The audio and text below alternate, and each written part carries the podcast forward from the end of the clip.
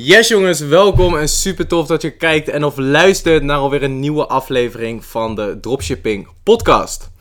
Nu ik erover nadenk, dit is de allereerste podcast die wordt opgenomen op het nieuwe kantoor. Dus jullie zien als het goed is een nieuwe setting. Hij wordt nog uh. Dit is de derde dag volgens mij dat we op het nieuwe kantoor zitten. En ik heb vandaag Gilly uitgenodigd. En um, ik denk dat heel veel mensen hem al kennen van de stories. Hij uh, tagt mij veel wat ik vaak repost. Uh, ik heb je ontmoet op Bali. Dus mensen hebben je al vaker voorbij zien komen. Yes. Misschien wel een van de meest unieke dropshippers uh, die er zijn. Uh, hij gaat heel lekker. Heeft sinds kort ook zijn baan opgezegd. Heeft een eigen coworking space speciaal voor dropshippers. De G-Office.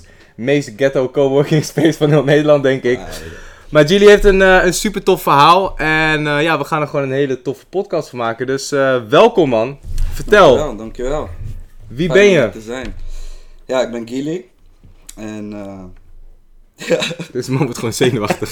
hele dag loopt zichzelf te Hele filmen. dag- ja, even En wel de mensen die podcast het weten. Je weet toch, ik film mezelf, alleen ik ben nooit gefilmd, dus het is een beetje raar. Maar ik eh, ben Gili, ik ben net eh, iets meer dan een jaar bezig met dropshippen.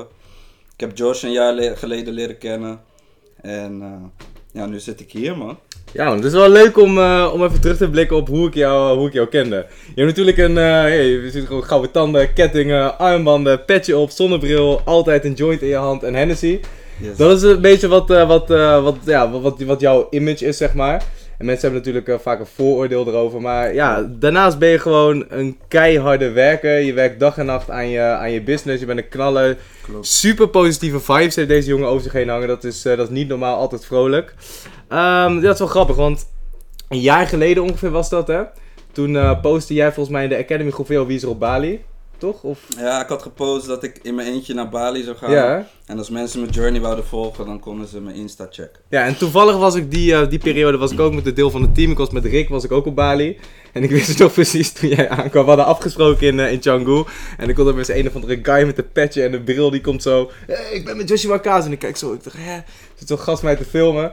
Sindsdien eh goede connectie opgebouwd. Goede matties geworden ook. En ja, hele toffe tijd gehad in Bali. Dus hij zou eigenlijk in zijn eentje gaan, gaan, Ja. Gaan backpacken. Maar ja, volgens mij na een paar dagen toen ben je alleen maar met ons opgetrokken. Ja, in de een vetste week. villa's. Na een week, eh, ja, ik had jullie ontmoet en eigenlijk sliep ik in een kamertje van 8 euro per dag.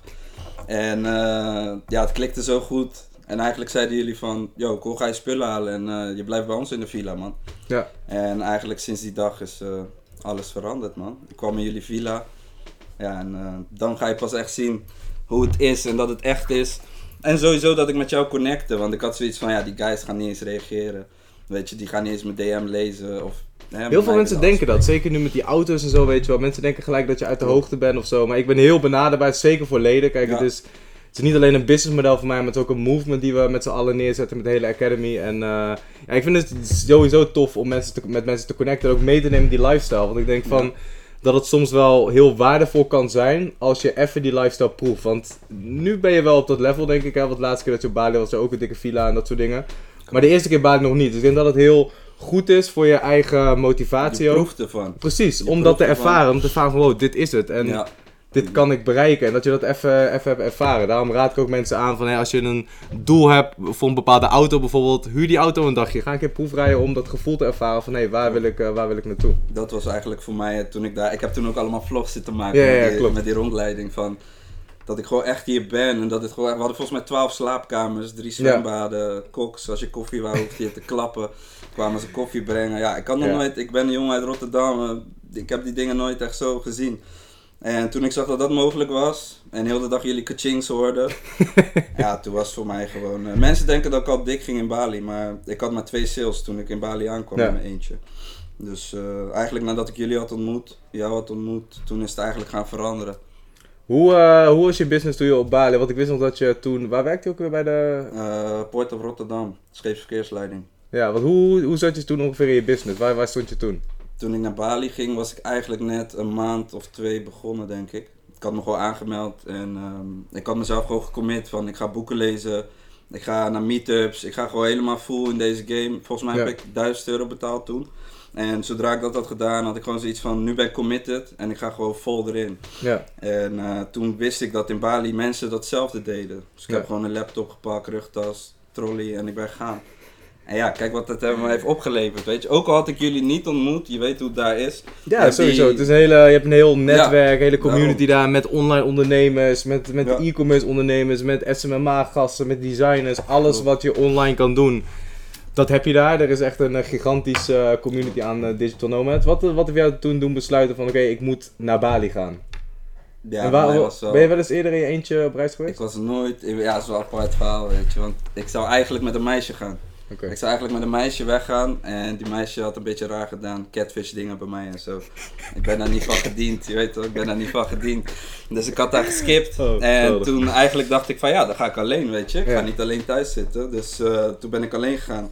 En dat was eigenlijk mijn ding. Maar het had ook te maken met comfortzones. Ik was heel erg bezig met comfortzones. En je gaat niet snel in je eentje een vlucht boeken en ergens heen. Je kent niemand. Je denkt als eerste al van, wat de fuck ga ik daar doen in mijn eentje? Ja. Maar ik had gewoon zoiets van, hé, hey, ik heb daar goede wifi en dat is alles wat ik nodig heb. ja. En ik zit in een mooie omgeving en dat was mijn doel, man. Gewoon lekker te werken en te genieten. En dat heb ik ook elke dag gedaan. Of gewerkt en gefeest, maar elke dag was die laptop wel open en zochten we een plek. Wij zaten te werken in een eettentje, weet je? Ik Dus weet nog precies welke je bedoelt. De, Ja. de Warung op Warung bij, bij, ja, ja, ja, Ja. Bij, die, eh, bij die weg. Ik weet nog precies. Die, eh, die Dus- allereerste dag. Dat was voor mij die live, dat wou ik. Ik zag jouw advertenties altijd. En net als iedereen dacht ik van ja, weet je, wat is dit nou eh, voor shit en dit en dat. Maar nu heb ik het zelf meegemaakt. En dan weet je dat het niet hè, zomaar een ad is, maar dat die leven Ja. gewoon echt is. Ja, mensen denken bij die advertentie altijd van, oh, dat is speciaal gedaan voor de advertentie. Mm. Of, maar dat is, ik, daarom wou ik je dat ook laten zien. Van, het is gewoon echt Het is echt. hoe het leven Ja. kan zijn. En heel veel mensen leven altijd zo. Kijk, nu met corona zitten we thuis. Maar ja, het, het, ik denk heel veel mensen beginnen ook met dropshippen. Of met een andere vorm van online ondernemen. Om juist hè, die laptop lifestyle te hebben. Om gewoon lekker de wereld rond te reizen. En eh, vanuit de mooiste plekken ter wereld eigenlijk te werken. En ja, je, je hebt zelf gezien dat het... eh, dat Het is het, gewoon eh, echt, ja. Ik was zelf ook sceptisch, maar ja, je ziet gewoon door jou net. We zijn in een, in een Lambo naar de Plus gegaan om een flesje cola te halen. Ja, het is gewoon echt. Ik moet zelf ook nog bezinken, maar het is gewoon echt. Ja man. En ehm, op het moment dat je weer terugkwam uit Bali, hoe, hoe, hoe, hoe zag je leven er toen uit? Ja, dat was wel. eh, ik had toen die lifestyle meegemaakt eigenlijk. En volgens mij, jullie werkten allemaal niet. Dus ik had al zoiets van fuck. Hoe bedoel je, werkte niet? nou, iedereen had geen vaste baan. Oh, op die manier. Mike. Jury, jij, Rick, ieder, niemand had een vaste baan, alleen ik. En ik moest terug. En zodra ik die moest af voelde, had ik zoiets van, fuck man, nee, dit, dit is niet mijn ding. En eigenlijk dacht ik met mijn werk dat ik het wel gemaakt had. Ik verdiende rond de 4000 euro per maand. Ik denk, nou, dit is het. Maar dat betekent Ja. wel dat je maar twee keer per jaar op vakantie kon. En eigenlijk Ja. zodra ik terug was, ik was in die vibe en ik was in die leven en ik voelde het al gelijk niet meer, weet je. Ik had zoiets van, dit is niet voor mij om te werken en twee keer per jaar op vakantie te gaan. Er is meer voor mij in dit leven. Maar het is moeilijk om dat te geloven van jezelf. Maar Mm, door- doordat ik dat had meegemaakt, geloofde ik het echt. En toen heb ik gewoon alles op alles erop gezet om naar dit punt eigenlijk naartoe te werken. En nu ja, werk ik twee maanden al niet. Ja. Ja, vet man. Ik weet, eh, ik weet, ja, omdat ik je wat langer ken natuurlijk, ik weet wat voor eh, strijden je bent geweest in de periode dat je bij, eh, bij je baan werkte. Want hoe zag je week er ongeveer uit toen je en nog je fulltime baan had? En ik weet dat was best wel killing. Ja man. En nog daarnaast is je business en nog een zoontje. Hoe, hoe, heb je dat, hoe, zag je, hoe Ja. zag je dag eruit en hoe heb je dat weten te combineren? Dus, eigenlijk gewoon echt net wat je het noemt, gewoon strijden. Ik heb bijna niet geslapen.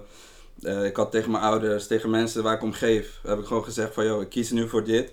En je hoeft niks van mij even te verwachten totdat Ja. ik het heb. En dan kunnen we allemaal samen genieten. En dat hebben ze gelukkig heel goed opgenomen. Ja. En ik ben gewoon ja, op werk, stiekem. Ik, doe, ik deed heel belangrijk werk. Ik deed gewoon mijn telefoon dingen aanpassen op mijn product page en weet ik veel wat. Ja. En eh, uurtje pauze, laptop open, na werk, jointje opsteken, weer werken. Daarna, weet je, mijn zoontje in de ochtend, naar school weer werken. Dus eigenlijk was die laptop, is al een jaar lang een verlenging van mij gewoon. En ik Ja. zeg ook tegen heel veel mensen, je gaat niet halen als je het niet zo doet. Ik weet, dat spreekt een beetje tegen wat jij soms zegt van run je business in een uur per dag. Maar in het begin moet je gewoon fucking al Tuurlijk, in het begin moet je gewoon knallen en gas geven. En ehm, Ja, hoe meer tijd je erin stopt in het begin. Natuurlijk komt er ook een beetje geluk bij kijken. Maar over het algemeen, hoe meer tijd je erin stopt in het begin, hoe sneller je dat punt bereikt dat je echt Ja. volledig kan genieten van je business. En dat is een stukje wat ik mis bij veel mensen. Van, ze kijken heel veel naar, ja, ik post ook veel, ze kijken naar mij en kijken naar jou. Ze zien van, oh dit en dat, maar ze zien ook wat we doen. We posten niet Ja. alleen leuke dingen, ze zien ook wat we doen. Maar het lijkt alsof we dat stukje missen van het doen. Ja, Snap je? Van ja, maar ik heb werk, ja, maar kind. Ik heb bijna alle excuses die iemand kan noemen, heb ik gehad. Ja. Dus je kan niks meer zeggen. nee, Snap je? precies. Het is gewoon gaan. Cool man, ik weet toevallig waar je vandaan komt. En eh, hoe zag je leven eruit, eh, zeg maar, tien jaar geleden ongeveer? Wat, eh, wat, wat deed je Tien toen? jaar, tien jaar geleden, ja, toen, toen was ik eigenlijk net gestopt met mijn oude leven. Ik eh, was eigenlijk eh, ja, drugsdealer en dief en eh, alles wat ik eigenlijk kan benoemen, dat deed ik om zo rijk te worden. En, Hoe ben je, hoe ben je, want jij komt uit een buurt, daar is dat redelijk normaal, heb je me wel eens verteld. Ja, ik kom dat niet. Hoe, hoe, hoe beland je erin? Hoe, hoe kom je daar terecht? ja, eigenlijk is het gewoon... Ik heb hele goede ouders gehad. Echt, aan mijn ouders heeft het nooit gelegen, maar dat was vooral mijn buurt. De omgeving om je heen, alles is normaal. Wat voor andere mensen niet normaal is, is voor mij heel normaal. Eh, junkies waren er overal. Als ik naar school moest toen ik, weet ik veel, 4, 5 was, lagen er gewoon drie, vier junkies op mijn trap. Met Ja. bloed en naalden en weet ik veel wat. Toen moest ik over hun heen stappen en shit. Ja. Ging ik naar school en ja, al gauw maak je vrienden met mensen in de buurt die doen dingen. Je kijkt op naar een jongen van de buurt die de mooiste auto's heeft, mooiste spullen. En je denkt eigenlijk van, hé, hey, dit is het, weet je. Dit, dit gaat hem voor mij worden. En Ja. zo, zo ga je daarin. En ik deed altijd wel goed mijn dingen, weet je. Mijn pa had me altijd gemotiveerd van, hé, hey, als jij diploma haalt, zorg ik alles voor jou, weet je. Fix ik jou, dit en dat. Maar ja, het was gewoon allemaal niet genoeg voor mij. Ik wou ook die schoenen, ik wou ook dat, ik wou ook die kleren, weet je. Ja. Dus ik moest wat meer gaan doen. En eh, met werk werd ik heel vaak afgewezen. Ook vaak door mijn uiterlijk. Want ik had best wel goede scholing. Maar Ja. ze zagen mij en ze gaven mij geen kans. Ik ben zelfs soms tijdens gesprekken en zo weggestuurd. Ja. En raakte hij weer gefrustreerd. En ja, wat is nou makkelijker dan een kilo van iets kopen en weer doorverkopen met winst, weet je. Gewoon plussen. Dus dat was een beetje het ding. En toen mijn neef werd opgepakt Ja. en 2,5 jaar kreeg, toen heb ik me eigenlijk de volgende dag gelijk eh, bij Defensie aangemeld. Oké. Nou, heel lang, ja, ik heb het heel samengevat, maar... Was dat voor jou een moment dat je dacht van oké, ik zie dat iemand waar ik om geef uit mijn Ja. familie, dat die 2,5 jaar eh, eh, vastzit? Was dat de, realisatie dat je dacht van oké, ik wil niet daar eindigen en ik Ja. moet nu een andere kant op, eh, op staan? Ik zou erbij zijn die dag. Ja. Er waren omstandigheden dat ik er niet bij was. En als ik daarbij was geweest, had ik dus ook 2,5 jaar binnen gezeten waarschijnlijk. En Ja. ik weet van een kennis die zei van hey, ik zit bij de marine en ik ga naar Curaçao reizen, ik krijg betaald, gokken, feesten, strand, vrouwen. Ik dacht, hé, hey, what the fuck. Dus, eh, en ik wou weg. Er was voor ons Ja. geen uitweg uit die cirkel. Dat is weer wat je hebt. Je blijft in zo'n kring en daar is geen uitweg in. Iedereen Ja. komt weer met wat, hé, hey, moet je dit, moet je dat. Wij komen met nieuwe shops of nieuwe leveranciers. Nieuwe Hun producten, komen nieuwe- met andere dingen. Ja. Daarom ben ik best wel al. Ik vind, door mijn achtergrond weet ik best wel veel over zaken. Alleen slechte zaken, die kan ik nu vertalen in goede zaken. Ja. Maar, ehm ja, ik weet niet meer waar we. waren we daar gebleven? Eh, bij de marine man, dus oh ja, eh, je dus, neef kwam dus, vast ja, die gast die zei dus van, eh, weet je, ik leef zo en zo en zo. En ik dacht, ja, ik ga me aan. Ik had toen nog rasta en shit. Nee, ik had die gouden tanden ook al en zo. Ja, dat is niet echt type die bij de marine gaat. Maar je gaat jezelf allemaal dingen opleggen. Wie ben ik om te zeggen dat ik geen type daarvoor ben? Ja. Maar ja, dat is natuurlijk ook de omgeving die zegt van, pff, dat haal je nooit, weet je. We waren Ja. alleen maar aan het blowen en aan het drinken. Ik zou dat nooit halen. En ik had gewoon aangemeld die avond op laptopie. En de volgende dag kreeg ik een uitnodiging om naar Amsterdam te komen. Wat, En, wat, wat eh, deed je daar in Defensie? Wat was jouw rol en hoe zag je, hoe zag je Ik, week eh, eruit? Ik zou corporaal worden. Ja. Corporaal, onderofficier, operationele dienst. En dan had je radar, eh, die oorlogsschepen sturen en schieten. Ja. Weet je, met piraten en drugsmissies en zo. Maar ik ben nooit verder gekomen dan matroos 1. Ja, En daar waren ook weer allemaal fucked up shit, allemaal tegenslagen. Wat ik had meegemaakt, dat ik dacht van ja, het wordt me niet echt gegund, weet Hoe lang heb je daar gezeten? Ongeveer 4, 5 jaar man. Oké. 4, 5 jaar. Maar dat was wel het moment dat voor mij mindset begon. Want je moet de eerste 13 weken, is net als zo'n oorlogsfilm die je ziet. Ja. Je moet echt door de modder kruipen, ja, met z'n negen in zo'n kamertje slapen, in tentjes, rennen, springen, zwemmen, noem maar Ja. op. En ik kom van een ding dat we alleen maar op de hoek stonden, halve liters van de Aldi te klappen, weet je wel, en eh, een beetje jointjes er ook. Ik kon niet eens vijf push-ups, weet je, dus ja, het was wel pittig. Maar Hoe heb, je daar, hoe heb je daar in godsnaam doorheen gewerkt? Want ik kan me voorstellen dat je niet sportief bent en daar niet voor traint. En daar opeens in terecht Ja. komt van, joh, ga maar 12, 13 weken gewoon keihard afzien. Hoe heb je jezelf daar doorheen gebikkeld? Ja, achteraf, ik wist nog niet wat mindset was. Ik weet dat nu pas. Maar Ja. achteraf gezien weet ik nu pas dat ik toen al eigenlijk met mindset bezig was. Van hé, hey, als ik dit haal, zo werk ik met heel veel dingen. Als ik hier even doorheen bijt, weet ik wat aan die einde te wachten staat. En dat had ik ook met dat. Ik wist gewoon, als ik deze 13 weken haal. Want je zag, wij kregen een petje en die anderen kregen zo'n baret. Ja. En na die 13 weken kreeg je dat. En die jongens met baret mochten roken, bier drinken, chillen, kazerne af. En wij waren Ja. echt bitches met zo'n stick op ons hoofd. En we moesten 13 weken echt kruipen, weet je. Dus je keek altijd dan naar die, naar die volgende stap. Oké, juist. Je keek ik wil hier komen, dit moet ervoor gebeuren, dit is even pijn, dit is even vervelend, maar ik ga gewoon Gewoon doorheen. Ja. even afzien en dan heb je. Dat zei dus ook tegen mij, want hun wisten. Een man die pakte mij beet, hij zei van ik ga jou tien keer harder laten werken dan de rest. Ja. En ik zei van waarom een fucking racist dit dat. Ik, ik reageerde gelijk zo. Ja. Maar hij zei gewoon van ik wil dat jij het echt haalt, weet je wel. Hij gunde mij dus. Maar daardoor heeft hij het me echt veel zwaarder gemaakt. Als mensen, weet ik veel, 20 baantjes moesten, moest ik 30, weet je wel. Dat soort dingen. Ja. Maar uiteindelijk heb ik het gehaald en heeft het me helemaal veranderd ook. En neem ik het nu nog steeds mee in mijn dagelijkse leven. man. In welk opzicht heeft dat je veranderd? Want defensie en voor defensie, dat zijn twee compleet verschillende Ik noem het dingen. altijd my way out. In DM, vaak als mensen mij DM'en, ik zeg Ja. ook bro, als je niks met je leven doet, meld je aan voor dat. Want je Ja. krijgt gewoon geld, je hebt voor het eerst eh, wit geld. Gewoon vijf jaar contract, zeven jaar contract. Heel mijn leven veranderde, weet je. Ja. Ik had opeens echt allemaal dingen. Ik kon een koophuis halen. Ja. Ik was een van de weinige mensen uit mijn buurt met een koophuis opeens en alles. Dus dat gebeurde wel allemaal door dat. Ja. En eh, ik denk als ik die stap niet had gemaakt, zat ik sowieso vast of was ik dood. Dat weet ik bijna zeker. Wat, was, eh, wat heb je na die vijf jaar gedaan? Dus je zat vijf jaar bij defensie, wat, Ja, het hoezo, lauwe was... hoezo, hoezo ben je weggegaan? Het lauw was dus, eh, dat is pas mindset. Ik was zeeziek. En eh, ik zat op een marineschip. Mensen die dit zien en weten van mij op die boot, ze noemden mij vuilniszakje soms. Ik had altijd een vuilniszak bij me en ik heb eigenlijk vier jaar lang gekotst. Ja. Maar ik wist van als ik zou stoppen, ging ik weer terug daarin. Ik had niet echt ja, diploma, papier, dit en dat, wat zou ik gaan worden? Dus ik had gewoon doorgezet. En toen een vrouw, die had zo medelijden met mij. Ze zei van, ik ga zo'n papier voor jou schrijven. Dat jij gewoon de dienst uit mag. En dat we dan iets goeds voor jou zoeken. Ja. Ik dacht, ja, fuck it, weet je. Dan als zij het me... Ik was heel bang. Ik zei, ik wil dat niet. Ik weet wat gaat gebeuren als ik uit dienst ga en bla bla bla. Ja. Eh, ik, zou, ik had geen toekomstperspectief verder. Dus eh, nou, uiteindelijk heb ik die deal aangenomen. En toen, eh, toen ben ik zelf gaan solliciteren. En als ik zelf een baan vond, kreeg ik vijf doezel mee. 5000 euro kreeg ik mee. Ja. En eh, toen had ik ingetypt bij Google van radar, marine, ex-medewerker, zoiets. En toen pling, kwam die functie omhoog. Ik zag 4000 per maand, bam, gesolliciteerd. Nou, toen kwam ik daar aan en ik wist dat ik die baan niet zou krijgen.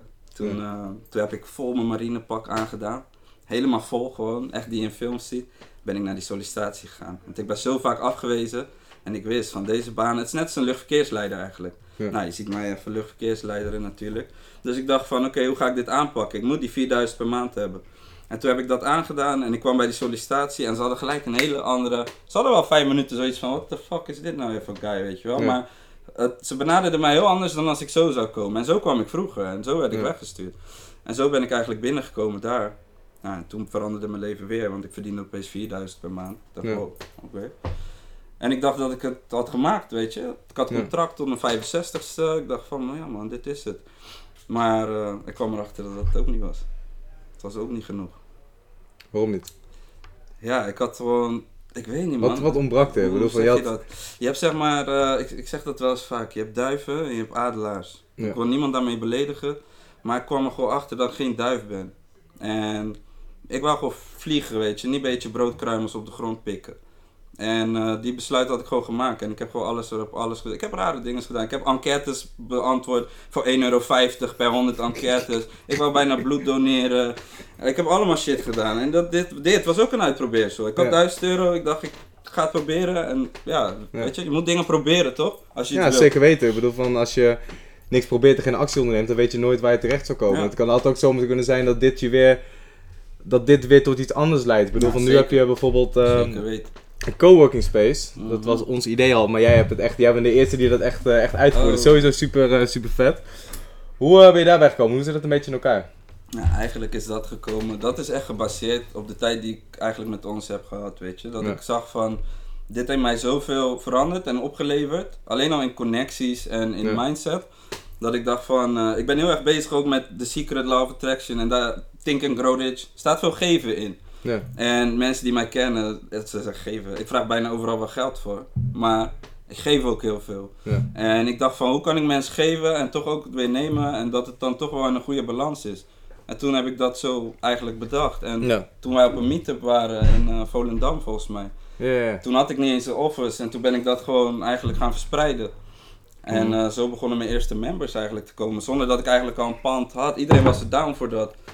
Ja. En vooral wat het je oplevert. Iedereen kan werken overal. Snap je wat ik bedoel? Ik kan nu mijn laptop open doen en werken. Maar niet met jou. Of niet met, weet je, Sven was hier net. Niet met Sven en connecten. Dus dat was mijn doel. En dat is echt gelukt. Als je nu binnenkomt, zie je tien mensen. De een zit alleen, de ander zit samen. Iemand, hé, ik heb nog thema nodig. Oh ja, ik heb wel thema. Dus, en het zijn Ja. allemaal Academy eh, members. Dus dat is chill, weet je. Ja. Dus Dus gewoon een ruimte met allemaal dropshippers bij elkaar die Ja. altijd met elkaar kunnen connecten. Jullie doen toffe dingen samen. Eh. Mensen kunnen elkaar helpen. Ja, Ik denk dat het ook wel een van de, ja, ik roep het echt in elke podcast, in elke video, maar het is natuurlijk super belangrijk om jezelf te omringen met de juiste mensen. dat is eigenlijk het hele Je hebt dat natuurlijk toen meegemaakt, eh, zonder mezelf op te hemelen, maar op Bali door ja, opeens in een groep gegooid te worden met allemaal dropshippers Ja. die fulltime dropshippen. Ja, dat, dat doet wat met je motivatie, dat doet wat met je mindset, dat doet wat met je acties. En als wat doet met je actie, doet dat ook wat met je resultaten. Dus ik vind het sowieso super tof dat je dit ook voor, eh, ook voor Academy leden natuurlijk hebt opgezet. Dat mensen daar bij elkaar komen, elkaar kunnen helpen. Ja. Want voor de meeste ondernemers is het eenzaam. De meeste ondernemers die zien een advertentie, die denken, oh cool, ik ga die cursus verkopen of niet. Ja. Die gaan in een eentje beginnen. Natuurlijk heb je wel de online community, maar kan het best wel eenzaam zijn als je in je slaapkamer, waar de meeste mensen beginnen van de keukentafel, daar fulltime zit te werken. En het is echt een wereld van verschil op het moment Dat je met gelijkgestemden zit. Dat, dat Ja. hebben wij ook meegemaakt op ons kantoor.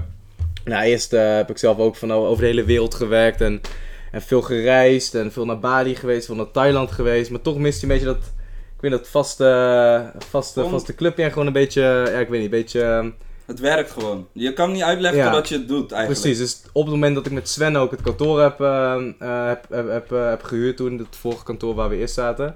Ja, dat was een wereld van verschil. Ook omdat je gewoon, je hebt je thuis. En als je daar werkt, dan, dan ik weet niet, het is vervelend man. En het is beter als je je thuis hebt en je hebt een aparte plek waar je gewoon komt. En je weet gewoon van, als ik hier zit, work mode, knallen met de juiste mensen. Dat gaat, gaat echt, eh. Ik had ook altijd, als ik thuis kwam, ging ik door. ja. Dus er was nooit een stop. En nu, als ik mijn laptop dicht doe op de office, ja, meestal zie je later thuis dat ik toch weer bezig ben. Maar niet echt van, hè, het stopt gewoon daar. En dan kan ik een keer wel gewoon een boek lezen of iets checken of wat Ja. dan ook. Dat kon eerst niet, want ik bleef maar door, door, door. En nu Ja. kan je het afsluiten. ja, precies. Dat, eh, dat is ook wel fijn. En dat merk je aan die mensen daar ook. Ja, hoe is het nu, want je bent nu twee maanden gestopt met je... Ja. Hoe, was, hoe, was, hoe was die stap voor jou? Hoe was die stap om... Want je komt van drugsdealer, Mhm. vervolgens zoek je je uitweg in defensie. Vervolgens merk je van, nou, na vier, vier, vier jaar met een vuilniszak rondlopen, dat is ook niet wat ik wil. Zoek je nog een uitweg bij de la- laatste functie die je had. Dat is een hele, hele, hele stap omhoog. Van ja, zwart geld naar echt ja, gewoon een goede baan. Naar 4000 euro per maand eh, en een koophuis en een boot. Het is niet niks. Het is gewoon waar heel veel normale mensen tussen aanhalingstekens eh, naar streven. En dat, dat is voor heel veel mensen een soort van einddoel. Ja. Hoe is dat om dan omhoog te klippen en toch dat allemaal weer te laten vallen. Om uiteindelijk 100% voor iets te kiezen ja. wat je zelf hebt opgezet. Jij weet het. Ik heb jou ook gebeld twee keer in de nacht. Het was moeilijk. Het was heel moeilijk, maar je hebt zoveel voorbeelden om je heen. Ik kijk ook naar jouw podcast en dan kijk ik weer naar mensen. Ik weet nog dat die van Nicky Verhoeven, dat ik die ook heel goed vond. Ja. En eh, je ziet dat, ik heb met Nicky ook gesproken, ook toen van, hey bro, weet je, ik zit ermee, ik werk nog, maar Ja. ik verdien eigenlijk mijn maandsalaris per dag. Maar ik ben toch, kan ik niet zeggen van peace. Het zit zo in je hoofd Ja. van... Als je eh, de cijfers naast elkaar doet, van dit is mijn werkinkomen, dit is het aantal uren dat ik in mijn werk stop, dit is het aantal uren dat, Dat ik in mijn business toen. stop en dit is mijn business. Maar toch, iedereen ziet dat, maar het is toch heel moeilijk om die keuze te jij maken. zei, maar je bent zo geprogrammeerd. Ik ben opgevoed ook van eigenlijk van je moet een vast contract en dit en pensioen en sparen, weet je. Mijn oma spaarde zelfs fucking 50 cent en zo, weet je. Ik dacht van sparen, what the fuck. Ik wil gewoon zoveel geld maken. Dat, ik ga niet elke keer sparen. Als je gaat Ja. kijken wat je van je loon kan sparen als burger, als werkende, ga je echt niet op 10k of zo komen aan het einde van de rit. Dus, En eh, dat zag ik wel in. Alleen het was eng. Het was eng. Ik heb veel mensen gebeld. Ik heb jou gebeld. Ik heb, ja, ik heb zelfs Vasco gesproken nog. Ik dacht van, ik moet iedereen gewoon spreken voordat ik dit doe. Maar het kwam Ja. allemaal op hetzelfde neer. En je bleef gewoon... En toen één dag was ik op werk en ik zei gewoon... Yo, neem ontslag man. Ja. Hoe, hoe was dat voor jou om die, eh, om die keuze te maken? Ja, ik heb die dag op mijn story gezet. Het was gek man. Ik, eh, ik was gewoon helemaal relieved en blij en alles. En diezelfde avond was ik weer depressief. Dacht ik, fuck, wat heb ik gedaan? Je weet toch? Ik heb eh, geen... volgende maand, de 26e, komt er gewoon geen 4K gestort. Ja. Dus, en iedereen denkt van ja, maar je hebt toch 100k daar gepakt, dit, dat gepakt. Zo werkt het niet. Je moet cash flow hebben. Niet één keer, voor mij dan, niet één berg en dan elke keer vanaf eten en dan wordt niet aangevuld. Ik leef al een tijdje met, met flows en daardoor kan je doen wat je doet. Dat weet je zelf ook heel goed natuurlijk. Ja. En mijn flow stopte op dat gebied. Dus ik moest ook andere flow creëren natuurlijk. En toen ben ik gewoon, bam, ben ik echt eh, van één webshop naar drie webshops en Ja. toebab en een partner en dit en dat. En zo ben ik echt Wat voor, alleen- wat voor impact had het op je business? Want ik zeg altijd van ja, wat... Een van de grootste valkuilen als ondernemer, en zeker als startende ondernemer, is dat mensen heel veel dingen tegelijk willen doen. Mhm. En hoe meer dingen je tegelijk doet en hoe meer je focus versnipperd is over al die projecten, Ja. hoe minder succesvol het uiteindelijk gaat worden. En ik heb zelf ook gemerkt, op het moment dat je echt gaat focussen op één project, wordt dat gewoon een stuk succesvoller wanneer je er allemaal dingen naast doet. Wat voor impact heeft het op jouw business gemaakt op het moment dat je 100% kon focussen op je eigen business? Ja, ik zeg eerlijk. Veel mensen vragen me dat. Ook bij de office en zo. Van, Ja. eh, of die willen ook stoppen. Bij mij heeft het letterlijk gewoon, alleen al in getallen, heeft het alles wel voor twee, drie dubbeld gewoon. Ja. Omdat ik gewoon echt, weet je, mijn wekker ging niet meer. Laatst DM'de iemand me ook. Zei van, hey, je ziet er goed uit. man. Ik zei, bro, ik heb geen wekker meer. Je weet Ja. Ik sta op wanneer ik wil. Ik probeerde jouw systeem een tijdje, vijf uur opstaan en werken. Voor mij werkt dat niet. Voor mij Maar ik werk gewoon, ik, ik, ik werk in mijn ding en ik haal wat ik moet doen. En daarna ga ik chillen. Ik zit hier nu bij jou, je weet toch? Ja. Dus ja, voor mij die impact die het heeft gemaakt, alles is veranderd man. Ik had een paar doelen. Nou, mijn doel was ontslag nemen, heb ik gedaan. Ja. Ik wou dat mijn moeder niet meer hoeft te werken, mijn ma hoeft niet te werken. Allemaal dat soort dingen is, gewoon Hoeft ze gelukt. nu al niet meer te werken? Ik sponsor haar gewoon zo, niet te werken man. Ziek man, vet. Dus, ik wou niet meer dat ging doet. werken, weet je. Ja. Dus dat heb ik gefixt en voor mezelf een bepaalde ding. En zo ga ik door man. Dus Ja. eh, kijken waar we gaan eindigen. Vet man, wat is, nu je, wat is nu je volgende doel? Wat is je, wat is je visie? Want je hebt natuurlijk in een korte tijd heel veel bereikt. Je moeder, eh, nou ja, werkloos gemaakt wil ik bijna zeggen. Ja, Je moeder financieel onafhankelijk gemaakt. Zo kan je het wel, kan je het wel zien. Zonder Eigen. G-office, ja. business gaat goed, je hebt geen baan meer. Wat, wat, wat nu? Wat next? Ja, ik wil nu vooral gewoon groeien in alles. Net wat je zegt, als je te veel dingen gaat aanpakken. Ik krijg ook soms aanbiedingen of dit of dat. Maar ik wil wel, zeg maar. Ik hou van multitasken, maar tot op een bepaald gebied.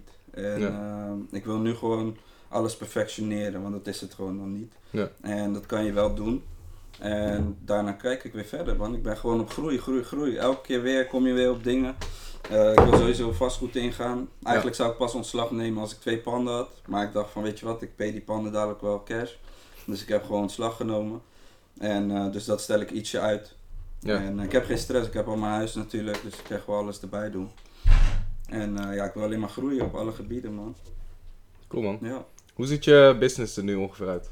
mijn business nu, eh, ja, waar ik me vooral nu op focus is G-Office. Ja. zit nu vol dan, ik wou 30 leden, dat is gelukt. Eh, daarvoor moet ik gewoon eigenlijk ja, wel kijken wat er gebeurt, of iedereen goed. Ik heb ook beloofd dat ik mensen daar zou helpen, dus dat doe ik Ja. ook. Ik ondersteun ze. Nou, dat is een van mijn, eigenlijk van maandag tot vrijdag ben ik daar. En dan ben ik zelf aan het werk. Ik heb zelf een aantal webshops. En ik heb ook mensen die ik help voor een percentage bij een webshop. Ja. En zo heb ik eigenlijk verschillende inkomstenbronnen. Dus eh, Ja. dat is hoe ik het doe. Cool man, Ja. heel, heel inspirerend. Ja. Dus, eh, het is dope man. Die vrijheid. Ik sta elke dag echt gelukkig op. Ja. Ik heb me lang niet zo gelukkig gevoeld. En eh, En daar gaat het om. Want Ja. we hebben het natuurlijk elke keer over geld verdienen. En Juist. zoveel geld en zoveel geld en zoveel geld. Maar je had hier een heel mooi punt aan, want het gaat niet om het geld.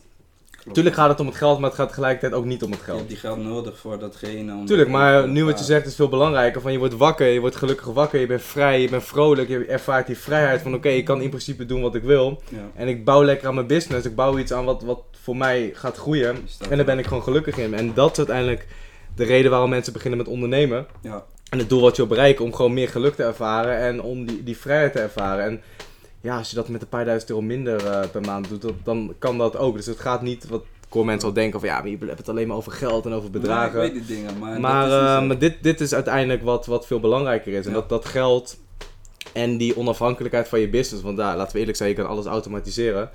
Dat geld en die onafhankelijkheid van je business, dat zorgt uiteindelijk dat je die vrijheid gaat, eh, gaat Mhm. ervaren. Dus het is een middel om een groter doel en dat echte geluk te, te, te gaan voelen. Ik zeg altijd van, the goal isn't money, the goal is freedom. En Ja. heel vaak, soms mensen die mij niet kennen zien van, ga, ik heb normaal ook een grill in en zo, zien die dingen. Ja. Ze denken gelijk van, oh, hij is materialistisch. Eerlijk gezegd, toen ik jou zag, dacht ik ook van, nou, deze man is materialistisch eerste keer. Iedereen heeft een vooroordelen. Ik zeg altijd, je mag vooroordelen hebben, maar handel er niet naar. Ik heb jou nooit zo behandeld, Nee, nee, maar ik dacht wel een beetje over jou. Maar ik heb wel kans gegeven om te laten zien Ja. dat je niet zo was. Ja, mensen denken altijd van, ja, je hebt een mooie auto, dan ben je materialistisch. Maar ja, dat, dat, dat is altijd al mijn doel om zoiets te hebben. En ik geniet ervan, ik doe er toffe dingen mee. Dus het is niet Daarom. dat ik alleen maar die auto laat zien, maar ook, ja, we zijn net even rond. Ik vind het leuk om jou dat te laten ervaren. Ik haal mijn hele buurt op met kleine kinderen in die auto. Dat eh, we doen er vette dingen mee. Dat geeft die dingen wat die mensen niet begrijpen. Precies, het, geeft, het is ook cool om dat met andere mensen te delen, weet je wel. Ik bedoel, van, ik wist nog de allereerste keer dat ik in een Lamborghini reed, of eh, erin zat, of...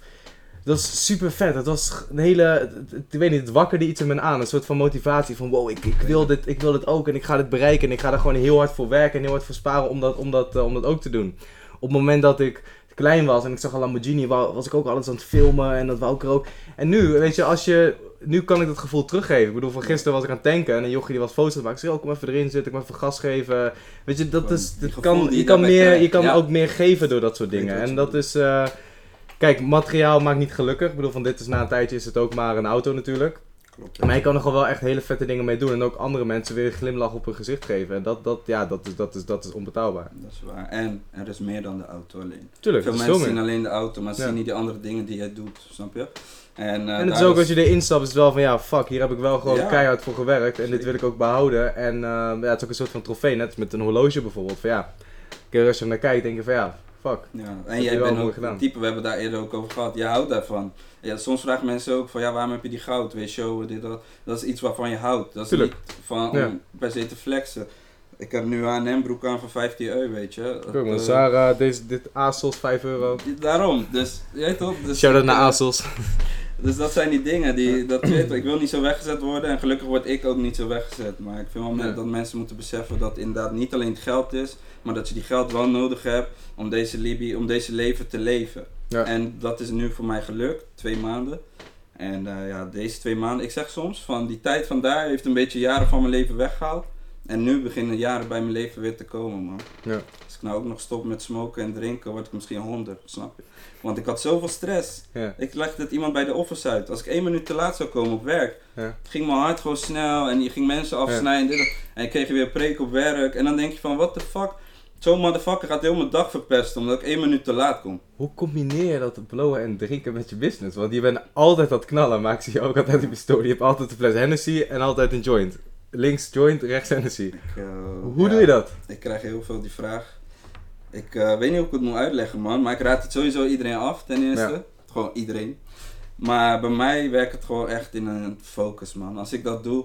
Ik had vroeger al, als ik voor... eh, Het is ik geen advies nogmaals, ga dat niet Nee, proberen. Dit niet is doen, iets man. wat, wat zijn ding is, maar ga dat niet proberen, want niemand wordt er productiever op door... Eh, Iedereen gaat slapen en shit. Ik stuur mensen zelfs weg bij de office als ze stoned zijn.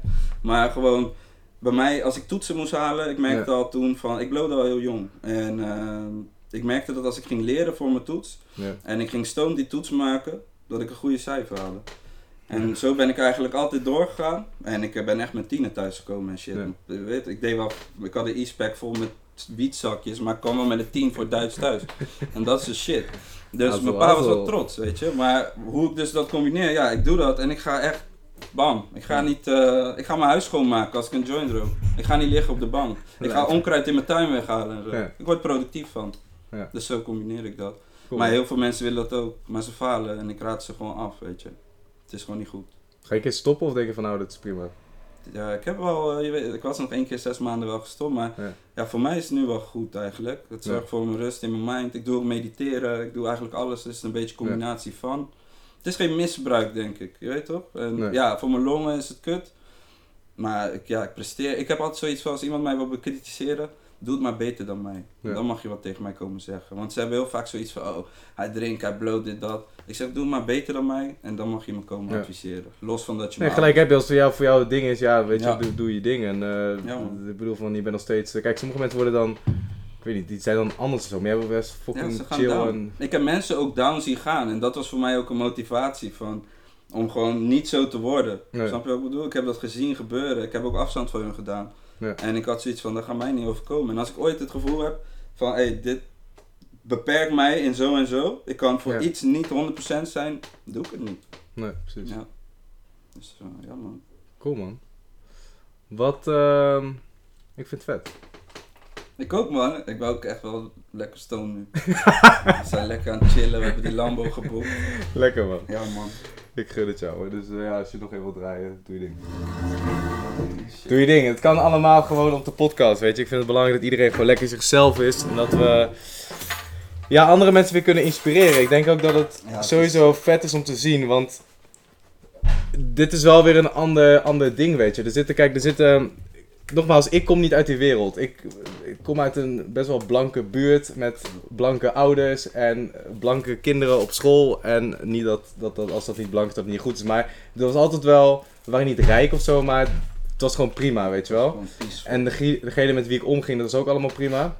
Maar ik weet ook dat er een hele grote groep mensen in Nederland zijn die niet uit zo'n buurt komen en die wel struggelen en die misschien de verkeerde mensen om zich heen hebben, daarin meegetrokken worden. En ja, ook daardoor de visie creëren van dit is het gewoon en er is geen uitweg en ik, ik, dit, dit is gewoon hoe het is. En daardoor ook domme keuzes gaan maken, fouten gaan maken. Ja, en om jou ook hier te hebben om te laten zien van nee, het kan anders. Van, ja, ik bedoel van je, bent je bent hebt daar een goede carrière in opgebouwd bij Defensie. Je hebt daarna nog een, eh, nog een goede, goede baan gehad waarin je eigenlijk ja, alles kon doen wat je, wat je wilde. Klopt. Eh, lekker verdiende en nu zelfs zo succesvol bent dat je eigen business hebt, je eigen kantoor, alles erop en eraan.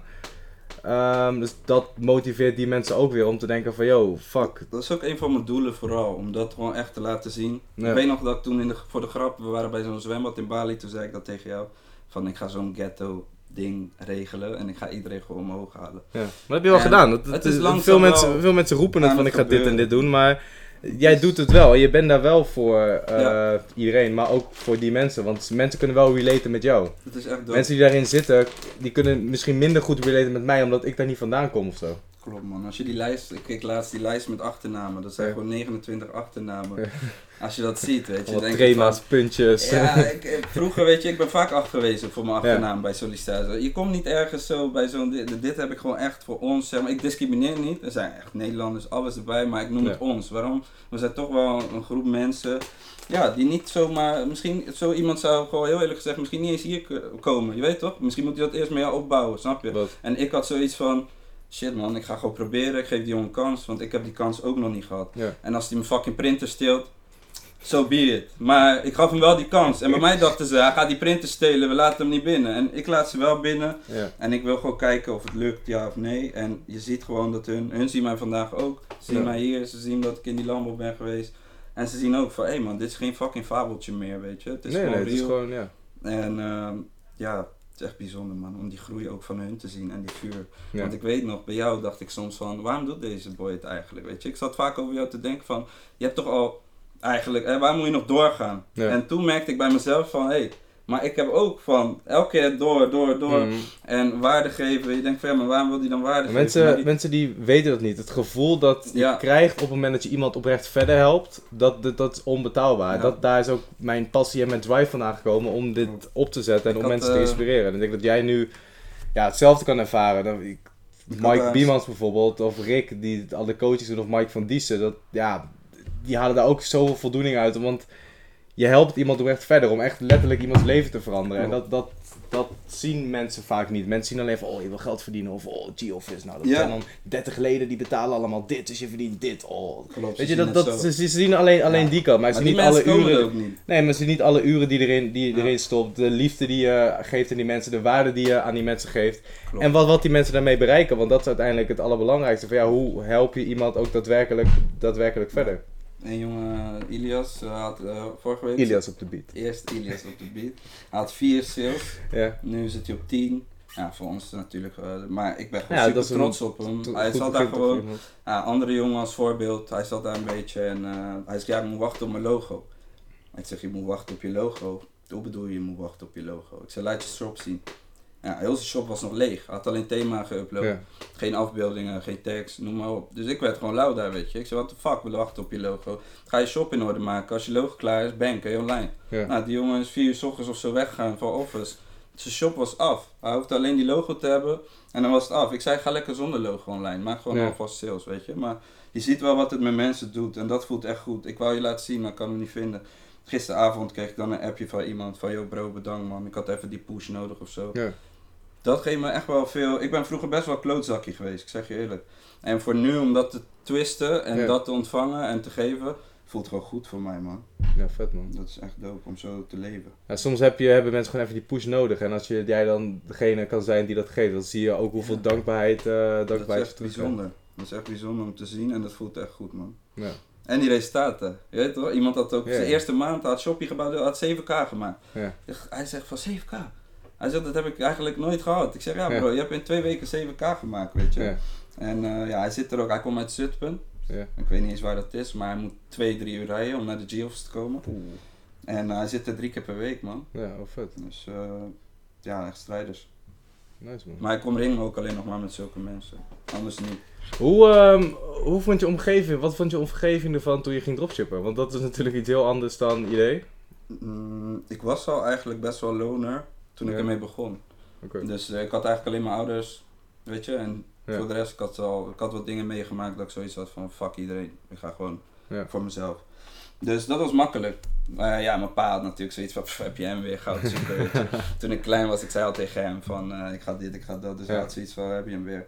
Ik zei, ja, maakt niet uit, het is mij 1000 euro, ik ga het proberen, weet je wel. Dus hun, eh, nu, ik krijg gewoon appjes van, hey, hoe is je omzet? Eh, en, weet je, dit, dat, nou, ik stuurde ze net die filmpje in de auto, weet je, dat soort dingen. Ja, Ja. Ze, ze supporten mij fully en dat is wel belangrijk. Want ik merk ook dat mensen die geen support hebben, die hebben het heel moeilijk. En ze hebben niet die fuck you skill die ik heb. Ik heb die fuck you skill ontwikkeld omdat ik gewoon gezien heb dat je 85% van de mensen om je heen heb je geen eh, reet aan, weet je. Dat heb ik gewoon live ervaren. Alleen als jij een heel mooi goed leven nog hebt gehad, zie je dat niet in. Dus denk je dat al die mensen het toedoen. Maar Ja. dat is eigenlijk niet zo. En je gaat heel veel waarde daarin hechten en tijd verspillen. En pas later ga je dan dat doen. Ja. En dat proces probeer ik ook voor mensen te versnellen. Maar dat is moeilijk. Want als iemand belt me is dan, heel ja, moeilijk man. ja, mijn vriendin en eh, dit en dat. Ik zeg, ja bro, weet je, dadelijk gooi je een Gucci tas op haar en houdt ze de bek dicht. Ik zeg van, eh, zo werkt het wel. Ze willen allemaal die spullen, maar ze willen niet die tijd die jij erin stopt. Ja. Daarom ben ik nog single. Ja man, ik heb gewoon geen tijd voor die shit. Ik ben echt op een missie gewoon en ik zeg dat tegen iedereen. Je gaat het niet halen zonder. Pak je, wel eens, pak je wel eens rust voor jezelf? En daar had ik wel problemen mee. Ja. Daar had ik erg problemen mee. Ik had het ook toegegeven wel een paar keer ook van shit man, het gaat een beetje fout nu. Ja. Mijn ma zei ook van je bent niet meer leuk voor je omgeving. Weet je, ik Dat was is wel echt een hele belangrijke, want ik, ik ken mezelf er ook in dat Mhm. ik te weinig rust neem. En sinds ik gestopt ben met social media voel ik veel meer peace of mind. Jij bent ook natuurlijk heel actief omdat je ook Ja. andere mensen wil helpen en zo. Klopt. Hoe, eh, ja, hoe, hoe, hoe, regel je dat voor jezelf? Wat is jouw balans tussen werk en gewoon dingen voor elkaar krijgen, je doelen behalen, wat heel belangrijk is, maar ook een stukje rust? Hoe balanceer je die twee? Nou, eerst ging het dus helemaal fout. Ik dacht, ik was echt trots op mezelf. Ik dacht van zo, maar je bent echt eh, fucking bikkel, joh. Ja. Drie uurtjes slapen, dit en dat gedaan. Maar op een gegeven moment, ja, ik leefde alleen maar voor dat. En ik ben juist iemand van, ik waardeer ook juist tijd met mijn ouders of met, hè, met mensen, quality time, dit, dat. Maar ik zag dat allemaal niet meer. En toen had ik echt mezelf opgelegd. Van oké, nu ga je gewoon echt in de weekend Ja. gewoon niet meer daaraan zitten. Of coachings doe ik soms of zo. Ik zeg, ik doe dat alleen maandag, vrijdag. Ja. G-Office alleen maar maandag, vrijdag. En in de weekenden ging ik dan echt geforceerd dat doen. Maar dat kost ook moeite, want dan kan je wel jezelf daarheen brengen. Maar dan ben je nog steeds in je hoofd bezig van, Ja. oh shit, ik ben geblokkeerd op die account. En Ja. eh, hè, shit, dat. En zo ga je de hele tijd door. En op een gegeven moment ben ik echt heel erg met mediteren bezig geweest, man. En mediteren, iedereen vraagt altijd, hoe doe je dat? Vraag me alsjeblieft niet hoe. Maar ik heb me gewoon om mijn video's gekeken en ik ging mezelf gewoon forceren om die shit te doen. En het werkt voor mij. Ja. En eh, dat werkt echt wel. Soms als op een zware dag of zo doe ik het gewoon drie keer, man. Gewoon drie keer een kwartier of zo. Fuck it. En dat werkt gewoon goed, man. Ja. Dat werkt echt goed. En gewoon niks doen. Net wat jij hebt gedaan. Twee weken geen social media, oké. Super chill. ja, toch? Het is in het begin best wel eng, confronteerd. van, Oh, wat was dit, wat was dat? Natuurlijk, je moet je business wel goed inrichten zodat je dat kan doen. Kijk, hier het hele kantoor is vol met mensen. Die eh, allemaal hard werken en een ding doen. En eh, er ook voor zorgen dat, hij, als ik, dat, ik, dat ik zelf op bepaalde gebieden ontzorgd word. Ja. Maar dat kan echt een gamechanger zijn in je business. En mensen, ondernemers die zien dat vaak niet. En alles moet altijd groeien en groeien en groeien. Maar vaak zit, als je in zo'n periode zit, dan zit ook heel veel groei zit juist in het even... ja, gewoon even rustig, Even een paar passen ja. op je plaats, weet je wel. Gewoon even, even relaxed. Met de helikopterview kan je weer naar je business kijken. Klopt. En op het moment dat je even die rust pakt en even inademt en even een paar dagen niks doet of eh, ja, boeken gaat lezen of whatever, dan zie je ook wat er ontbreekt in je business om het Ja. weer naar het volgende niveau te krijgen. Dan heb je echt een helikopterview en dan kan je dingen veel helderder, eh, helderder zien. Anders zit er te veel ruis in, je bent te veel dagelijkse dingen bezig, te veel ervaren. in je business, waardoor je ook niet echt aan je Je business ziet kan het werken. niet meer. Nee, je ziet het niet het meer. gewoon niet meer. Ik ging dan op een gegeven moment in mijn business manager en op mijn show. En ik dacht, Ja. what the fuck ben ik eigenlijk nog aan het doen? Doekoe komt binnen. Ja. Weet je, ik, ik, ik had zoiets van, ik, ik zag het allemaal niet meer. En dan als je bijvoorbeeld eh, twee, drie dagen even gewoon pauw, uitgaat. Ja, maandag, ik begon als een nieuw mens. Ik zeg ook, elke dag is weer een nieuwe Ja. fucking kans. Om opnieuw, weet je nog, die, die dag, dat was jouw dag met Ali B, die versie 2.0. Was 2.0. eh, in de kasteel of zo. Was zo'n ding met Ali B. En Oh, met de Jill, eh Gil eh, ding. Uh, Gil Petersil, inderdaad. Ja, toch? En toen zei hij ook: van elke keer heb je weer een kans om een betere versie van jezelf te worden. ja, elke dag. en ik zeg je eerlijk, man, ik doe dat elke dag weer gewoon. Ja. Elke dag. Ja, ik maak ook veel fouten, natuurlijk. Iedereen toch? Iedereen maakt fouten, maar, Maar dat is eh de Het leven. is wel dope om zeg maar dan te denken, want je blijft heel lang mee zitten. Ja. En nu ik heb gewoon zoiets van, nee man, next. Je weet toch? Ja. Gewoon op naar de volgende. En dat is wel chill. Ja. Het werkt goed. En dat komt door die mindset, door die boeken, door die ding waar je hoofdstuk al mee begint. Die mindset en big picture. Toen ik jouw cursus kocht, ik dacht fuck dit, ik wil door naar die shop Iedereen bouwen denkt en, dat eh, aan. Nee, dat is super, super belangrijk. eigenlijk soms als je terug, weet je, kijk je terug naar dat denk je, ja, dat heeft me eigenlijk al geactiveerd om zo te denken, weet je. Ja. Als ik met mensen ook praat, ik zeg wat wil je? Ja, ik wil Lamborghini. Dan zeg ik oké, voor wanneer? Eh, ja, ik weet niet man. Ik zeg oké, zeg gewoon eh 1 augustus 2021, Lambo. Dan voel je toch fucking peper in je reet om die Lambo te gaan halen. Tuurlijk. Bij mij werkt dat wel zo. Ja. Als ik zeg van, eh, net als met trainen, als ik zeg van hey, in september wil ik zoveel wegen of zo eruit zien. En als ik dat tegen mezelf zeg, dan heb ik mijn, Ja, het belangrijkste denk ik voor als je begint is een doel stellen van waar wil ik naartoe? Wat, wat, ja, wat wakkert dat vuurtje in mij aan en, en waar doe ik het allemaal voor? Want als jouw, jouw why groot genoeg is en je heel duidelijk weet waar je naartoe gaat, dan ga je actie ondernemen en dan... klopt.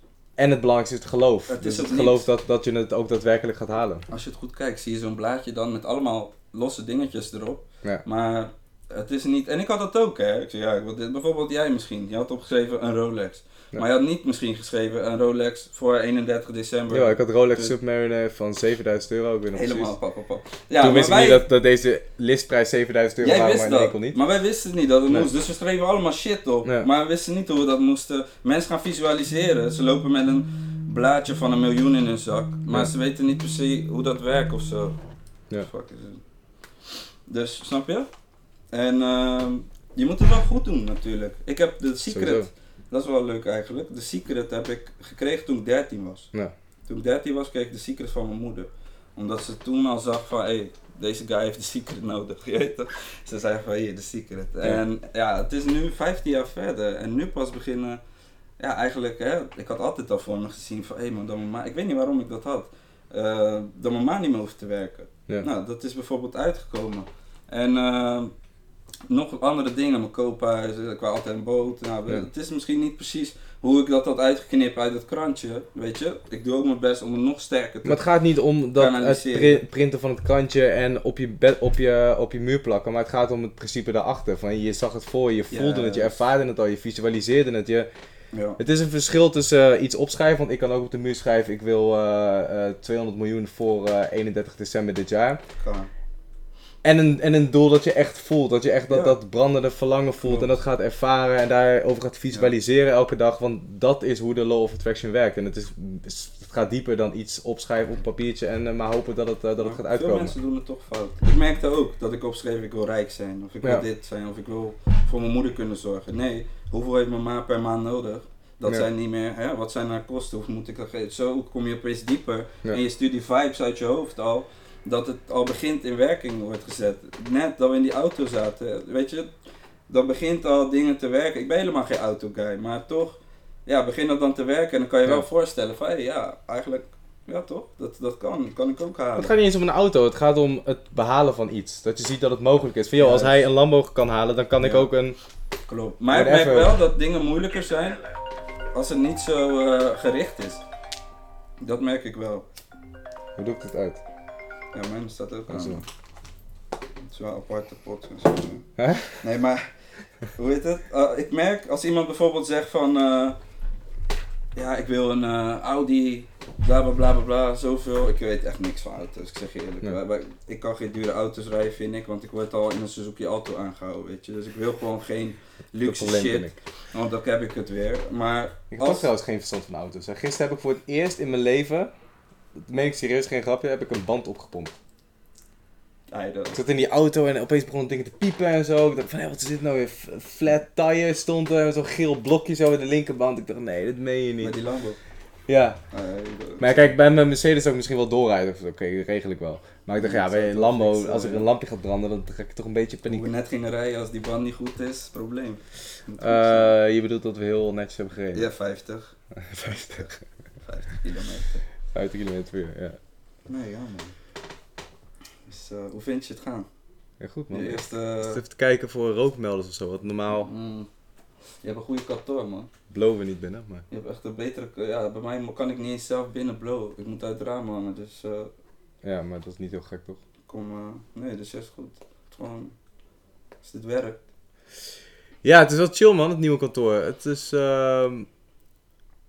Ja, alleen de airco moeten we even regelen. Maar dat die is besteld. Want het is echt warm hier, hè. Oeh.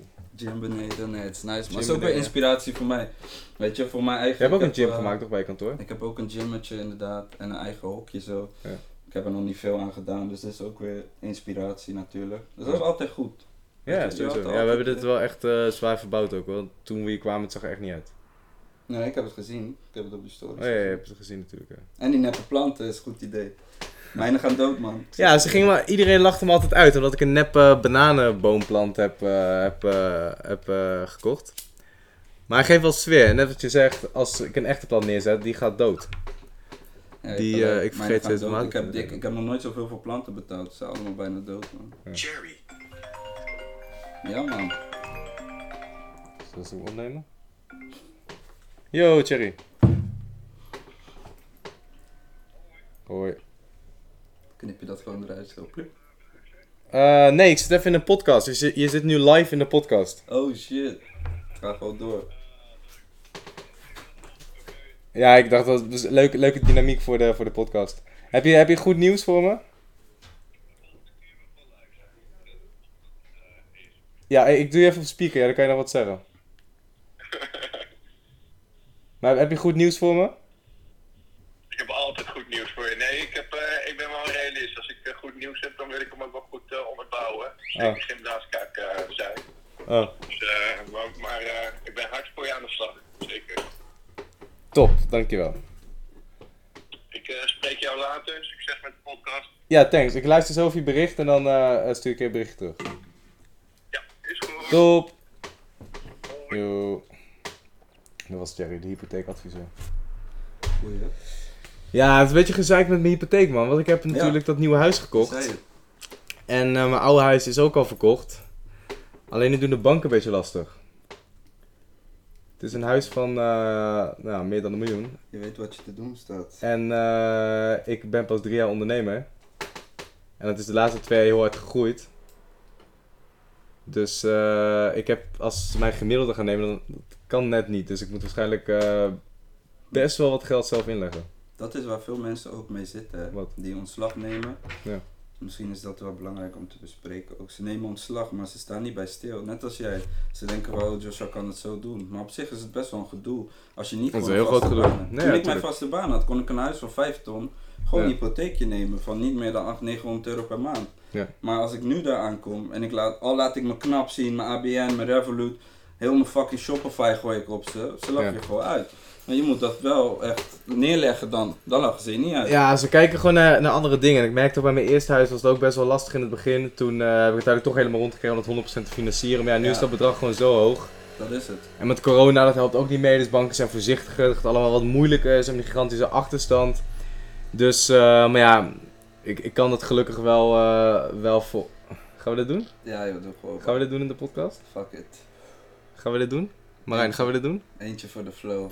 Ik voel me echt zo'n Elon Musk die dat... eh, maar ik kan hier helemaal niet tegen eigenlijk. Eentje voor de flow, man. Ik doe dit thuis niet na, jongens. Maar ga je het doen? Maar je moet wel, je hebt dadelijk geen huis meer.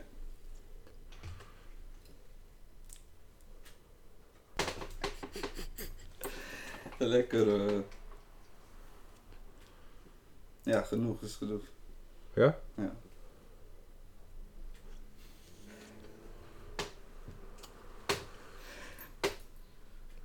Ja man. Dus eh, ja. Wat ga je doen? Dat is de question. Mama, als je dit kijkt, sorry, ik, eh marketing. Sorry man. Ehm, even kijken hoor. Ga ik het doen? Ja. Wat ga je doen? Want je hebt, je zegt eigenlijk, je hebt je oude huis al verkocht. Nee, ik ga het ook wel doen. Alleen het is nu even vervelend dat je nu best wel veel geld Ja. moet, eh, zelf moet inleggen om... eh, Zeker veel. ja. Maar het gaat wel komen. Ja, ja, tuurlijk. Ik heb mijn andere huis al verkocht. Ik heb dat nieuwe huis heb ik in principe al gekocht onder voorbouw van financiering. Dus eh, dat komt wel goed. Maar ook dat, ja, weet je, je hebt nieuwe verantwoordelijkheden bij het ondernemen, weet je. Eerst eh, de belastingdingen. Kijk, je betaalt linksom of rechtsom, je betaalt altijd belasting. Of je nou een eigen business hebt of, of niet. Ja. Maar in loondienst zie je dat niet. Alles wordt gewoon netjes geregeld door je werkgever. Als je een huis wil kopen, kan je netjes je loonstrookjes Ja. laten zien en je contract. Je nergens aan te denken. En nu, eh, ja, er komen wel meer verantwoordelijkheden bij kijken. Dus daar ook, ja, ik ben heel transparant over hoe dat er achter de schermen allemaal toe gaat. En daarom vult Marijn me ook met, eh, voor, de, voor, de voor de documentaire of de serie die we aan het maken zijn. Dat laat ik echt alles achter de schermen zien. Hoe dat gaat en ook de struggles waar we tegenaan lopen. Dit is wel iets is wat erbij komt eerlijk, kijken. ja. En het is wel een stukje verantwoordelijkheid wat komt kijken bij het ondernemen. Het heeft, ik zie het niet per se als nadeel. Alleen het, het biedt heel veel mooie mogelijkheden. Alleen het maakt het op sommige het dingen lastig. wel, wel lastig. Zeker als je net begint. Weet je, dan moeten ze de cijfers zien van de afgelopen drie jaar bijvoorbeeld. Ja, als je net begint, dan kan dat niet. Of je nou Ja. 100.000 euro per maand draait, het maakt niet Je uit. kan het je niet dat laten zien, Nee, nee. precies. Ik heb wel altijd, zeg ik tegen mensen van stel dat je die move in je hoofd hebt, koop even snel alvast iets, weet je, maak dan die move, Ja. fuck it. Dan heb je het in ieder geval al in bezit. Zo had ik het gedaan. Tuurlijk wou ik er drie, vier hebben al. Weet je, en gaat het nu iets lastiger worden om dat te Ja. doen. Maar ik ben overtuigd dat het mij gewoon gaat lukken, gewoon hoe jij het gaat doen. Snap je wat ik bedoel? Dus dat komt wel goed. Alleen, ik denk wel dat als je gewoon, je denkt er niet over na. En op een gegeven moment zit je bij je fucking ouders thuis met een ton per maand, weet je. Dat is Ja. gewoon kut. En dat is wel fucked up. Ik denk Ja. dat mensen daar wel rekening mee moeten houden. Of slim moeten aanpakken, weet je. Ja, sowieso. En ik denk, eh, ja, dat is gewoon, eh, dat is gewoon iets wat erbij komt kijken. Ja. Ik heb daar wel goed over nagedacht toen ik ontslag nam. Dat was wel een van de dingen, Ja. want een contract maak je best wel sterk. Maar het maakt je ook zwak. Want die contract was een ketting. Wordt jouw, wordt jouw, wordt jouw comfortzone. Ja, als je dat, dat als je dat hebt, en een stukje, comfortzone. stukje Ik veiligheid, het zeker, heel veel om... mensen die kijken, die hebben dat. Ik denk, een van de moeilijkste dingen wat je kunt doen, is een een stukje ehm, veiligheid. Een stukje zekerheid om dat, om dat op te geven voor eigenlijk onzekerheid. Ja man. Want dat is wel wat je doet. Want je, je geeft een stukje zekerheid van je baan, geef je weg om de onzekerheid van je eigen business. En dat is best wel, best wel krom. Maar ik denk als je die stap durft te maken en die commitment durft te maken, dat, dan, dan gaat, dan, ja, dan gaat heel veel groots op je afkomen. Ik ken niemand, er zijn best wel wat mensen uit de Dropship Academy dat gestopt met hun baan. Ik ken niemand, echt niemand, waarbij een business daarna minder goed ging. Nee, ik ook niet. Niemand. Ik ook niet man. Van uh, En het is best wel eng in het begin om dat, om dat natuurlijk te doen. Hè. Van, ah, wat als het allemaal niet werkt en wat als Ja. dit, wat als dat. Ja, wat als het wel werkt? Hoe gaat je leven er dan uitzien? Ik Wat praat- als, Ik praat er nooit makkelijk over. wat als, wat, ja, wat als het wel goed gaat? Wat, wat dan? En ik denk als je die gedachte, als die gedachte weet te domineren in, in je, in je gedachtes, van wat als het wel goed gaat, dan ga je ook andere keuzes maken. Ik had toen van Les Brown, dat was de dag dat ik ontslag nam. Ja. had ik van eh, Les Brown iets gekeken. Toen zei hij van stel dat je overmorgen doodgaat. Ja. Zou je dan spijt hebben dat je het wel hebt gedaan of dat je het niet hebt gedaan? ja. En voor mij was het toen best wel simpel. Want ik dacht ja, tuurlijk zou ik spijt hebben als ik het niet doe. Tuurlijk, je hebt vaak niet. Je hebt vaak meer spijt van de. van de. Ja, van de dingen die je niet hebt geprobeerd. Je hebt nooit spijt van de dingen die je wel hebt geprobeerd. Dat Weet je, dat, dat, dat ja. is het niet. Ook al zou je business geen succes worden. Ik, ik heb genoeg businesses gehad en projectjes en weet ik veel wat. eh, die achteraf geen succes zijn geworden. Ja, achteraf is het zonde van je tijd. Ja, nee, want het heeft, me wel, heeft je wel weer ervaring opgedaan. En ehm, anders zou je jezelf altijd afvragen: van, wat als ik het wel had gedaan? En dat is denk ik ook Ik wou er ook niet mee zitten. Snap je? maar als je straks oud bent, je bent straks Ja, 50, en dat het wat lastig is om zulke keuzes te maken. Van ja. Het is dan heel vervelend om te denken van ja, shit, was ik maar wel die business gestart toen ik 20 was? Had ik maar wel die keuze gemaakt? Had ik toen maar wel die investering gemaakt in mezelf? Had ik toen maar... Want je hebt geen spijt van de dingen die je wel hebt gedaan. Je hebt alleen maar spijt van de dingen die je niet hebt gedaan, die, waardoor je niet je volledige potentie bereikt. Ja, klopt man. Dat had mij wel geraakt, die quote van hem, weet je. Van, eh, dat je meer spijt hebt van dingen die je niet... En toen dacht ik echt van, ja, stel je voor, volgende week ik hoor dat ik eh, een of andere dodelijke ziekte heb. Ja. Ga ik spijt hebben van dat? Ik dacht, fuck die shit. En toen heb ik het gewoon gedaan, man. Ja, dat eh, kan, dat kan heel, dat kan inderdaad, dus, ja, een dodelijke ziekte, je moet er niet aan denken natuurlijk. Maar dat soort dingen kunnen wel. Ik heb live gezien, weet je. Dus voor mij werkt het makkelijker om Ja. te denken van, hé, leven kan kort zijn. Fuck die shit, weet je. Ga ik wachten tot mijn 65ste en dan dingen doen? Nee Nee. man, ik wil dat niet.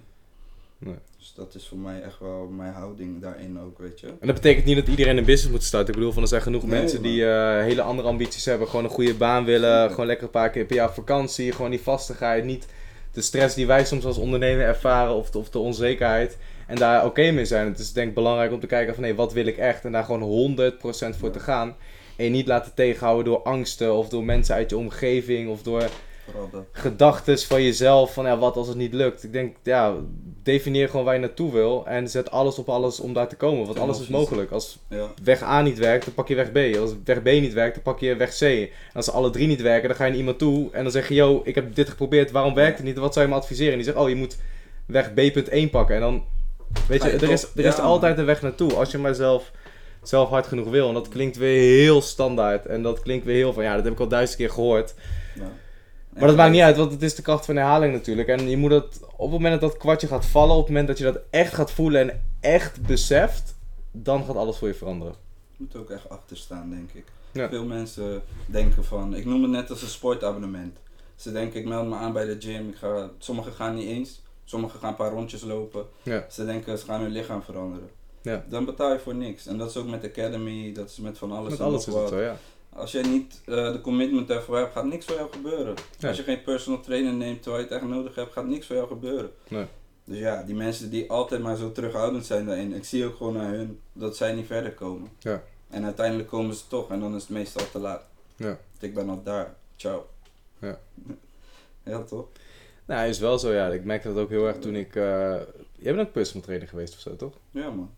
Jij was... Eerst was je... Voor Gilly Goodfight was je toch... Ik was eh, fit papa, man. Ja, Ja, ja, ja. Ik Ik, was kan eerst nog wel training. zoiets, eh zoiets Ja, herinneren. man. Ik vond het leuk. Ja. Nog steeds doe ik het af en toe. Mensen bij offers ook en zo. Stel. Nou, het is gewoon hard werken, linksom of Je moet rechtsom. alles voor hard Dus, werken, eh, man. Alles. En dat begrijpen sommige mensen niet. Ik snap het ook gewoon niet, dat ze niet helemaal gecommit zijn. Toen ik die 1000 euro door die ABN Identify